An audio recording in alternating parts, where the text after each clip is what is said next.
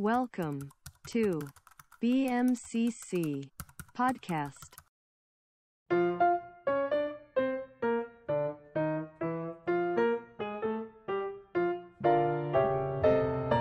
Halo semuanya, selamat datang di podcast Brawijaya Mood Cloud Community Volume 1 Podcast BMCC hadir kembali nih setelah sekian lama.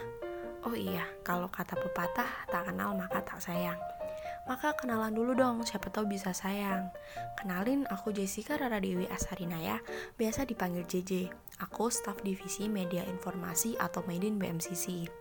Di podcast ini aku akan menemani kalian beberapa menit ke depan untuk ngobrol bareng sama narasumber kita. Yuk, tebak siapa nih narasumber kita kali ini. Daripada penasaran, langsung aja yuk kita ngobrol bareng sama Kak Dinda Janeta Prisali.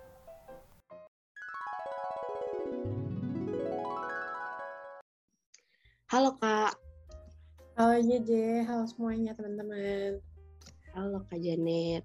Uh, Kak Janet kan panggilannya? Iya benar. Uh, iya Kak Janet apa kabar nih? Hmm, Alhamdulillah aku baik teman-teman. Semoga teman-teman dalam keadaan baik juga. Alhamdulillah lagi baik juga nih Kak. Uh, kalau boleh tahu Kak Janet sekarang lagi sibuk apa nih Kak? Kebetulan aku lagi nggak sibuk apa-apa. Uh, kebetulan aku lagi kuliah aja, jadi nggak ada kesibukan lain selain kuliah. Berarti cuma lagi kuliah aja ya kak? Selain yeah. itu nggak ada? Iya. Eh, kata Kak Janet tadi uh, masuk Fakultas Hukum ini tahun 2019 kan ya? Iya benar aja. Iya berarti pernah ngerasain kuliah offline dong kak sebelum ada pandemi ini? Iya kebetulan aku waktu itu pernah ngerasain kuliah offline sekitar satu semester atau satu sampai satu setengah semester. Iya berarti itu sebelum ada corona yang mulai Maret itu ya kan kak? Iya benar.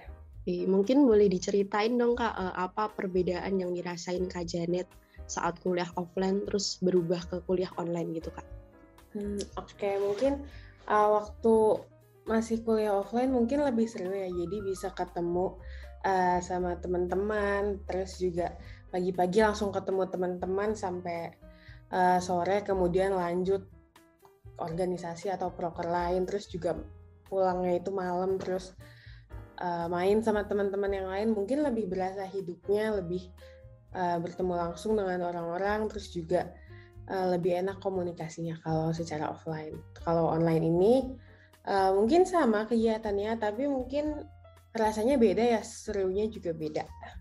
Ya juga ya kak karena online kan harus uh, natep laptop terus menerus jadi kayak kurang berasa uh, kebersamaannya gitu ya. ya terus uh, kalau Kak Janet sendiri caranya buat menyesuaikan diri dari kuliah offline ke online tuh gimana Kak? Kan kayak uh, beda gitu kan uh, dari vibes-nya kuliah offline yang selalu bareng-bareng sama teman terus berubah jadi ke online gitu gimana Kak caranya menyesuaikan diri?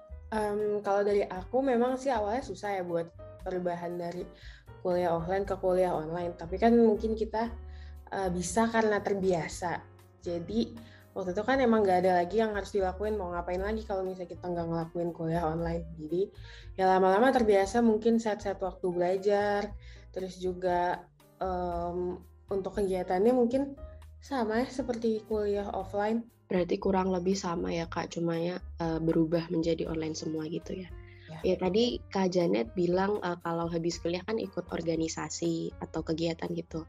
Boleh tahu nggak Kak, Kak Janet di Fakultas Hukum ini apa atau di UB itu ikut organisasi apa aja? Uh, waktu itu aku di tahun 2019 itu ikut ALSA sama ada ikut organisasi di luar kampus namanya kayak Indonesia Future Leaders. Kemudian di tahun 2020 aku baru join BMCC sama uh, join organisasi lain yang namanya Students X CEOs. Sejauh ini organisasi aku itu aja sih. Uh, tapi sebenarnya lumayan banyak ya kak kalau misal harus dijalani bareng-bareng gitu. Iya benar. Tahu alasan Kak Janit ikut organisasi itu apa ya? Karena kan notabene-nya kan ikut organisasi itu lumayan nguras tenaga gitu ya. Apalagi kan kita juga punya kewajiban untuk kuliah gitu Kak. Uh, alasan aku untuk organisasi mungkin lebih ke main ya. Karena kan kayak um, kayaknya pulang kampus enaknya main deh ketemu teman-teman. Jadinya kan main. Jadi mungkin organ alasan utama or, organisasi itu untuk main dan ketemu orang baru. Berarti uh, untuk mengisi waktu luang aja gitu ya kak kalau dari kajian itu organisasinya? Iya benar aja kalau gitu cara bagi waktunya itu gimana kak? Kan uh, kadang tuh walaupun kita punya tujuan ikut organisasi buat ngisi waktu luang. Kan kadang tuh kayak ada waktu yang tabrakan gitu loh kak antar organisasi sama kuliah. Kayak tiba-tiba harus sesibuk ini di organisasi terus pas itu kita juga lagi ada uh, urusan di perkuliahan gitu gimana kak caranya? Uh, mungkin untuk wak bagi waktunya mau sebanyak apa pun organisasinya mungkin emang jelasnya itu prioritas nomor satu kan kuliah. Jadi emang di uh, selesain dulu. Kalau misalnya waktu kuliah selesain dulu semua hal-hal yang ada di kuliah. Contohnya kayak misalnya dari pagi sampai sore kalau kuliah ya udah kuliah aja. Uh, ngerjain semua tugasnya pas kuliah pas jam-jam dari jam 1 sampai jam jam 4 sampai jam 5. Kemudian selepasnya baru main yang kayak ngurusin organisasi atau kayak pure, purely main aja. Nggak ada waktu-waktu belajar lagi selesai itu. Jadi kalau aku benar-benar ngeset waktunya kalau pagi sampai sore ya udah belajar aja. Sisanya baru main dan nggak mikirin belajar lagi gitu. Nah, tadi kan Kak Janet bilang kalau waktu belajar kan di pas waktu belajarnya aja kan di luar itu kan uh, buat waktu main sama organisasi. Pernah nggak kak kalau misal ada waktu pas buat uh, waktu belajar itu tiba-tiba kayak ada urusan organisasi yang harus banget dilakuin pas itu? Kadang kan emang ada ya kan kayak uh, urusan yang mendadak gitu kak. Ya pasti ada. Mungkin uh, hal itu emang nggak menutup kemungkinan ya mungkin ada yang tiba-tiba urgent atau harus dikerjain secepatnya. Iya hal itu pasti ada dan memang harus kita kerjain duluan sih. Mungkin kalau misalnya uh, ada yang bentrok sama waktu kuliah atau dan lain-lain bisa dilihat dulu nih lebih penting mana. Kalau misalnya emang peran kita di event itu tuh banyak banget atau di organisasi itu banyak banget bisa kita kerjain sambil atau mungkin bisa kita prioritasin um, tapi balik lagi kita harus tahu seberapa besar peran kita di event itu kalau misalnya emang uh, perannya kayak oke okay, masih bisa ditunda deh sebentar gue kelas dulu itu diprioritasin kelas dulu Berarti harus memprioritaskan mana yang lebih penting dulu ya kak? Iya benar. Iya, kalau selama Kak Janet gabung di organisasi waktu kuliah ini, uh, benefit apa sih Kak yang bisa didapat Kak Janet uh, dari organisasi yang bisa berguna buat ke depannya nanti? Hmm, untuk benefit yang aku dapat di organisasi mungkin yang pertama lebih ke uh, relasi sama teman-teman. Maksud aku kayak lebih kenal teman-teman satu fakultas atau bahkan lebih-lebih sampai teman-teman dari uh, luar fakultas ya kayak. Misalnya kalau misalnya kita komunikasi sama pihak luar atau sama teman-teman dari universitas luar juga. Terus juga mungkin bisa dapat bisa dapat informasi lebih cepat dari kayak teman-teman. Um, terus juga bisa ikut-ikut acara yang bahkan uh, kayaknya aku nggak bakal ikut itu kalau misalnya aku nggak ikut organisasi itu. Berarti kurang lebih kalau ikut organisasi itu uh, lebih memperbanyak uh, relasi ya kak? Iya benar aja. Iya uh, ngomong-ngomong soal relasi nih kak, biasanya kan uh, kalau kita mau magang gitu uh, kayak butuh bantuan dari relasi gitu kan ya kak? Itu uh, setahu aku Kak Janet kan pernah ikut magang gitu kalau aku lihat dari CV. Nah itu Kak Janet ikut uh, magang itu dapat informasi dari mana kak kalau boleh tahu? Uh, jadi waktu itu aku pernah magang tiga kali. Yang pertama itu magang di uh, legal consultant. Itu aku waktu, waktu itu aku tuh join karena uh, partnership Alsa sama company-nya. Mungkin BMCC juga ada kan. Tapi waktu itu aku belum join yang BMCC. Kemudian yang kedua aku itu magang di pengadilan negeri. Uh, terus yang di uh, pengadilan negeri itu aku ngapply sendiri kayak lihat-lihat teman atau lihat-lihat cutting yang udah pernah magang di PR itu gimana. Terus aku minta kontaknya dari cutting itu buat kayak minta tolong dibantuin untuk daftar magang dan lain-lain. Dan mungkin yang ketiga itu terakhir aku magang di video itu murni dari kampus Merdeka. Berarti emang beda-beda ya kak uh, sumbernya buat kita cari informasi buat magang. Oh, kalau gitu boleh dicerita diceritain nggak kak gimana pengalamannya waktu magang? Kan kata Kak Janet tadi ada beberapa tempat kan uh, buat Kak Janet magangnya. Mungkin bisa diceritain uh, waktu pengalaman saat itu kan beda-beda kan kak pastinya. Terus di sana ngerjain apa aja, terus kita didapat apa aja gitu kan? Oke, okay. uh, jadi waktu itu aku magang di tem tiga tempat dan emang aku udah sengaja pilih tiga tempat di sektor yang berbeda-beda. Yang satu mungkin ada legal konsultan yang sama lah mungkin seperti law firm uh, di situ aku belajar lebih kayak gimana sih cara bangun perusahaan, gimana ngurus izin perusahaan, gimana bayar pajak perusahaan, terus juga uh, waktu itu gimana sih kalau misalnya ada sengketa tanah gitu. Jadi waktu itu benar-benar dibimbing sama lawyer yang, yang ada di situ dan it was very fun karena uh, diajarin dari nol dari yang nggak tahu apa-apa dari yang tahu cuma teori tiba-tiba diajakin praktik langsung. Um, kemudian lanjut waktu itu yang kedua aku di pengadilan negeri. Itu aku benar-benar penasaran sih gimana sih kerja di pemerintahan? Gimana sih orang-orang uh, ngomongnya tuh uh, biasanya kan oh kalau kerja di pemerintahan bla bla bla bla. Terus aku kayak hmm, terus aku tertarik kayaknya harus cobain deh kayaknya nggak bisa kalau misalnya uh, ngom kayaknya nggak bisa kalau misalnya ngerasain tuh hanya dari uh, obrolan teman-teman aja. Jadi waktu itu ngerasain gimana workloadnya di pemerintahan yang kurang ada workloadnya terus juga yang mungkin kayak sedikit tugasnya atau tugasnya ringan. Jadi kayak bisa kamu sambil melakukan sesuatu yang lain terus juga tidak ada apa ya um, tidak ada demand yang terlalu banyak. Kemudian kalau misalnya uh, waktu itu lanjut ke magang yang ketiga. Ini baru di company uh, di company-nya ini yang video itu aku waktu itu lumayan jadi ngerti gimana sih hukum perusahaan gimana sih hak cipta. Jadi waktu itu aku punya role untuk megang hak cipta terus juga untuk daftarin seluruh lisensi dari produk-produk yang ada di video. Kayak contohnya uh, film-filmnya terus juga perjanjian-perjanjiannya perjanjian lisensi di waktu itu aku daftarin kayak judul film, terus juga uh, waktu itu belajar gimana cara ngetek down konten-konten bajakan, terus gimana cara buat perjanjian kontrak kerjasama dengan pihak lain kayak perjanjian um, jual beli seperti itu. Berarti emang magangnya Kak Janet itu di apa ya? di ranah yang berbeda-beda gitu ya kak kayak ada yang benar-benar di pemerintahan kayak di pengadilan terus ada yang di company seperti di video itu. Terus uh, menurut kak Janet dari tiga tempat magang yang kak Janet tempati itu uh, ada nggak kak kayak kurang lebihnya gitu loh kak? Kayak aku lebih nyaman di sini atau lebih nyaman di sini terus alasannya apa? Kan biasanya kayak ada kan kayak uh, di awal itu kita kayak ngerasa kayaknya seru nih di sini tapi tiba-tiba kayak pas dijalanin oh ternyata kok gini. Itu gimana kak? Hmm oke okay, oke okay. hmm, interesting question. Jadi waktu itu aku tuh tertarik ya di pemerintahan jadi kayak hmm, kayak seru nih kalau misalnya ngerti tentang hakim, jaksa, lawyer dan lain-lain. Enggak sih kalau pemerintahan waktu itu aku lebih ke hakim dan jaksa.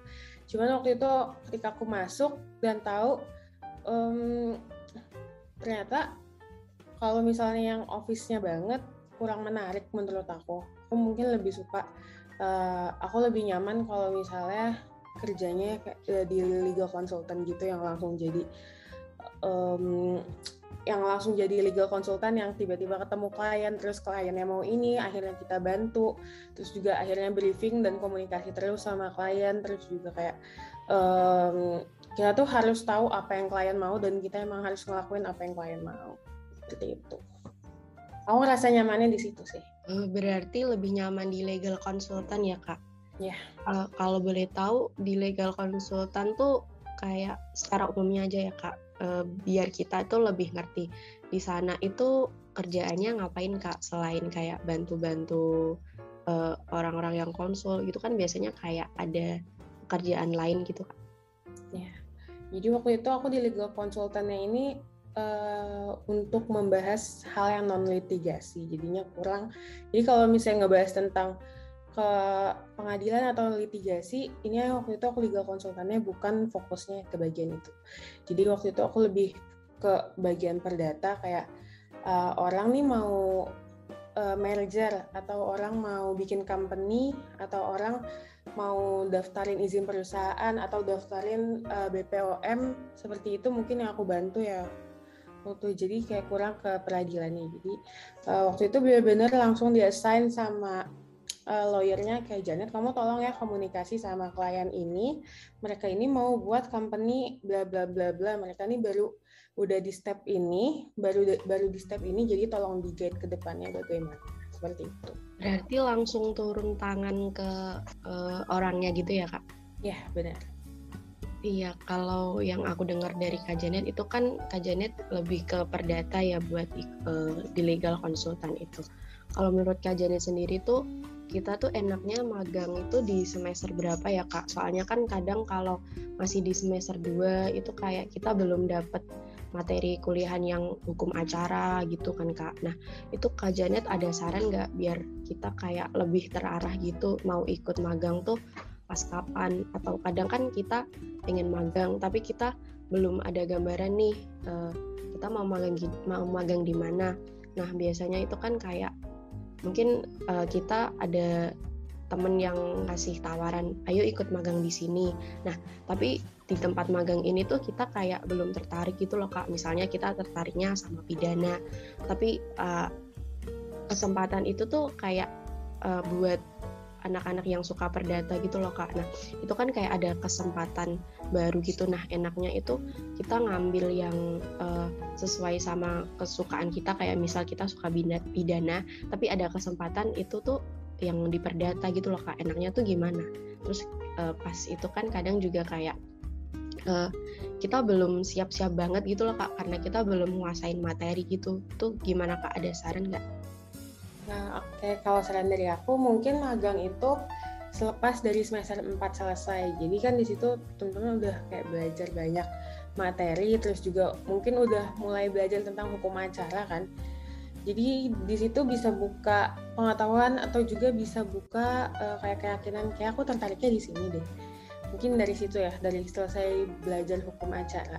Hukum acara mungkin di semester 4 udah bisa diambil Uh, kemudian kalau misalnya tadi JJ bingungin kayak misalnya aku tertarik pidana tapi adanya perdata, kesempatan perdata, mungkin itu menurut aku pentingnya magang dari semester dari selesainya semester 4. Jadi kamu punya banyak kesempatan untuk cobain beberapa hal. Jadi misalnya, oh ya udah walaupun aku interestnya di pidana tapi kali ini kesempatan yang perdata, aku ambil dulu aja yang perdata karena aku yakin ke depannya juga aku bakal uh, magang lagi kok yang di pidana. Jadi mungkin kalau misalnya dari semester uh, selepas semester 4 itu banyak waktu. Jadi kamu bisa ngeksplor semuanya dan ya cobain aja semuanya seperti itu. Berarti kalau saran Kak Janet cobain aja dulu ya Kak. Karena iya. kan nanti juga bakal ada benefitnya buat ke depannya gitu. Iya Kak. Selain magang nih eh, aku lihat Kak Janet juga banyak banget achievementnya soalnya aku lihat-lihat di CV itu kayak banyak banget gitu loh pencapaiannya. Yang gimana sih kak cara biar kita itu bisa kayak rajin ikut ikut lomba atau apply lomba-lomba gitu? Kadang kan lomba itu nggak sendirian ya. Kadang kan ada kayak yang uh, perlu tim. Terus gimana sih cara bangun semangat gitu kita biar bisa rajin-rajin ikut lomba gitu kak? Hmm, mungkin yang pertama itu benefit dari join organisasi. Jadi kan kayak punya teman banyak terus akhirnya tahu informasi dari teman-teman terus juga akhirnya diajak sama teman-teman kayak oh ya udah deh gue ikut lo juga ikut kan. Akhirnya kan kayak diajak-ajak ya bentuk kita nggak tahu sebenarnya lomba ini ngapain tapi kayak uh, ya udah ikut aja dulu nanti baru pas selesai daftar baru belajar gitu sama-sama mungkin di situ um, jadi hal yang krusialnya mungkin satu punya teman yang kedua itu keterbukaan informasinya. Jadi emang harus eager untuk nyari um, kira-kira ke depannya ada event apa yang bisa diikutin atau ada um, lomba apa ya yang lagi dibuka. Mungkin itu sih. Jadi nggak um, tahu ya mungkin aku ngeliatnya kalau misalnya ikut lomba seru karena iya ada lagi hal yang dikerjain hal-hal di luar perkuliahan yang dikerjain seperti itu. Berarti harus kayak rajin-rajin cari informasi gitu ya kak. Nah kalau misal kondisinya kita kayak udah dapet uh, change ini ada lomba gitu, tapi kalau dari di, dari diri kita sendiri itu kayak belum minat gitu kayak ini tuh aku kayaknya nggak mampu deh kalau misal ikut gini terus uh, sedangkan kesempatan itu tuh udah ada change buat ikut lomba itu udah ada nah menurut Kak Janet itu kita lebih ngutamain uh, ikut lomba itu tapi kita kayak merasa kayak kurang mampu gitu apa kita uh, milih enggak dulu soalnya kayak takut gitu loh kak. Hmm, okay. Kalau dari aku mungkin yang pertama tahu kapasitas diri ya. Jadi sebenarnya aku bisa nggak sih, even though aku nggak bisa bisa banget, tapi kalau misalnya aku yakin nanti ke depannya aku bisa serius dan mau belajar dan bisa fokus ya pasti aku ambil. Karena kan aku tuh takut banget yang namanya uh, regret ya. Perasaan regretful kan nggak enak banget kayak aduh nyesel kenapa kemarin gak ngambil jadi better untuk nggak nyesel. Tapi dengan catatan tahu kapasitas diri kan contohnya kalau misalnya emang aku nih mau ikut uh, peradilan semu contohnya kayak pidana dan itu uh, yang aku bahkan kurang tahu materinya dan aku juga menghadapi kesulitan ke depannya kayak aduh tapi ke depannya aku ada sibuk bla bla bla bla bla bla. Mungkin itu bakal aku reconsider ulang karena um, aku takut aku join-join aja nih tapi aku nggak fokus dan nggak ada komitmen di dalamnya. Jadi uh, harus tahu dulu yang pertama kapasitas diri yang kedua uh, keyakinan kamu di dalamnya itu apakah kamu mau serius apa enggak gitu berarti harus balik ke diri masing-masing ya kak apakah kita mampu terus apakah kita juga uh, bisa kalau nanti menanggung resiko apa yang diambil sama kita gitu ya kak Yup, benar banget. Ih, kalau nggak salah nih, uh, Kak Janet sekarang lagi ikut student exchange ya Kak? Hmm, iya. Itu di National University of Malaysia ya Kak? Iya, benar. Duh, hebat banget. Jadi iri, jadi pengen. Uh, mungkin boleh diceritain Kak, gimana bisa awal mulanya ikut student exchange itu? Hmm, oke. Okay. Jadi waktu itu udah tertarik banget untuk ikut student exchange mungkin dari tahun pertama kayak udah apply dari beberapa beberapa program yang kayak ke mana-mana bahkan semuanya tuh di apply tapi waktu itu belum lolos-lolos juga jadi waktu itu tuh mungkin aku udah ngapply sampai ke 5 sampai 6 program tapi belum ada yang lolos sampai ke tahun ketiga terus di situ udah yang kayak aduh bisa nggak ya ini student exchange um, tapi waktu itu ada kesempatan lagi tuh yang baru dibuka program magang program kampus Merdeka juga yang namanya ISMA itu. Jadi waktu itu aku daftar um, dari persiapan dokumen, bikin esai, terus latihan interview dan lain-lain.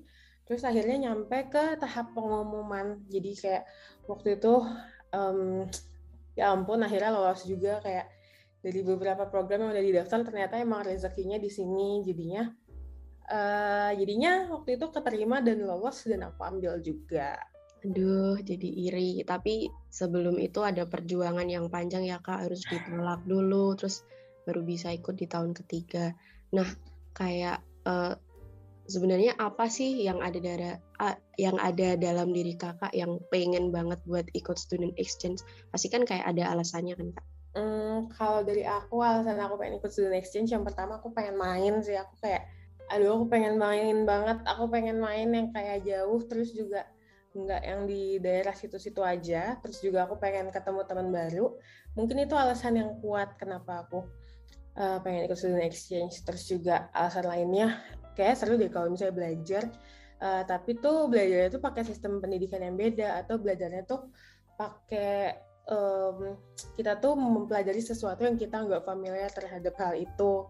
Uh, terus juga waktu itu aku tuh penasaran gimana sih kalau misalnya hukum di negara lain tuh jadi waktu itu sangat semangat untuk belajar uh, hukum di negara lain tuh kayak gimana? Jadi awalnya pengen pengen cuma main tapi uh, dapat benefit juga ya kak nah kalau dari Kak Janet tadi kan bilang uh, pengen tahu perbedaan hukum di negara lain nah kak nah kalau gitu apa sih kak kayak perbedaannya kuliah di Fakultas Hukum UB ini sama kuliah di Malaysia? Kayak dari sistem perkuliahannya tuh kayak gimana? Terus kayak ya hidupnya tuh gimana? Selain itu kayak dari sisi hukumnya di sana tuh kayak gimana? Hmm, oke. Okay. Jadi untuk perbedaannya untuk kuliah di UB sama kuliah di sini mungkin di sini fasilitasnya lebih bagus, terus juga teman-temannya juga um, untuk teman-temannya sama serunya. Tapi kalau di sini itu tugasnya lebih ke project base. Jadi um, jadi dosennya itu maunya tuh kamu tuh belajar sama temen emang udah di assist gitu sama temen dan kelompok. Jadi kalau misalnya lo nggak tahu ya lo diskusi sama temen lo gitu. Um, terus juga dosennya di sini tuh very welcome jadi emang dosennya yang bakal approach kamu kalau misalnya kamu nggak tahu sesuatu bukan kamunya yang approach dosen. Mungkin itu perbedaannya. Terus kalau misalnya hukum yang berbeda mungkin di sini itu lebih nerapin di sini kan uh, common law ya. Jadi oh baru tahu ternyata kalau hukum di negara yang bekas jajahannya Inggris tuh seperti ini. Terus juga di sini kan uh, apa ya budayanya banyak ya. Makanya di sini kan cultural diversity adalah yang keturunan yang nationality-nya ini, nationality-nya ini, terus juga ada yang um, orang yang latar belakangnya dari uh, negara mana gitu. Kan kalau misalnya di Indonesia rata-rata semuanya kan satu Indonesia tapi kalau di sini enggak. Di sini kayak terkotak-kotakan orang-orangnya jadi harus belajar kayak oh kalau misalnya hukum yang ngatur tentang ini berarti um, hukumnya ngatur tentang Melayu asli yang rata-rata orang Islam berarti pakainya hukum uh, Malaysia yang ada unsur-unsur Islamnya. Tapi kalau misalnya uh, Melayu tapi Melayunya yang Chinese itu beda lagi peraturannya. Atau untuk foreigners juga yang biasanya datangnya dari um, India atau Kazakhstan dan lain-lain itu beda lagi peraturannya. Seperti itu. Berarti emang hukum di sana tuh uh, berbeda-beda ya kak, tergantung uh, dari masyarakatnya. Nah, kalau boleh tahu nih, uh, sebenarnya suka duka kak Janet ikut student exchange tuh apa kak? Untuk sukanya jadi makin banyak temennya, makin banyak pengalamannya, bisa ikut bisa ikut-ikut acara di sini, terus juga bisa jalan-jalan banyak. Dan kalau untuk dukanya um, sejauh ini nggak ada, dan sejauh ini dukanya aku masih belum nemuin sih. Berarti banyak sukanya ya kak, karena bisa jalan-jalan di luar negeri gitu ya. Ini kalau gitu, uh, itu kan tadi suka duka ikut student exchange ya kak. Kalau suka dukanya sebagai mahasiswa hukum itu gimana kak? Hmm. Oh kalau sukanya karena aku orang yang sangat suka uh, nyatet, suka belajar teori dan suka hafalan. Sebenarnya kan hukum nggak ngafal ya, cuman hukum kan kayak bacaannya banyak, jadi aku nyaman untuk baca ya daripada uh, untuk kalau misalnya major-major lain. Untuk sukanya mungkin di situ karena aku suka baca dan suka tahu teori jadinya kayak tertarik walaupun itu membosankan tapi menurut aku kayak ya udahlah gampang ini jadinya aku ambil aja dan aku tertarik gitu untuk sukanya aku nggak ketemu MTK aku bisa teori uh, yang banyak teori dan banyak baca aja belajarnya terus juga kalau misalnya udah nyampe ke praktik ternyata praktiknya seru uh, tapi kalau dukanya apa ya dukanya aku belum tahu tapi mungkin kemungkinan akan datang secepatnya dukanya kalau sukanya berarti bisa terlepas dari hitung-hitungan gitu ya kak, biar yeah. melulu dapat matematika. Kita, tadi kan kata kak Janet uh, lebih suka baca ya kak. Itu tuh setahu aku tuh uh, mahasiswa Indonesia atau rata-rata orang Indonesia kan uh, jarang suka baca ya kayak minim literasi gitu.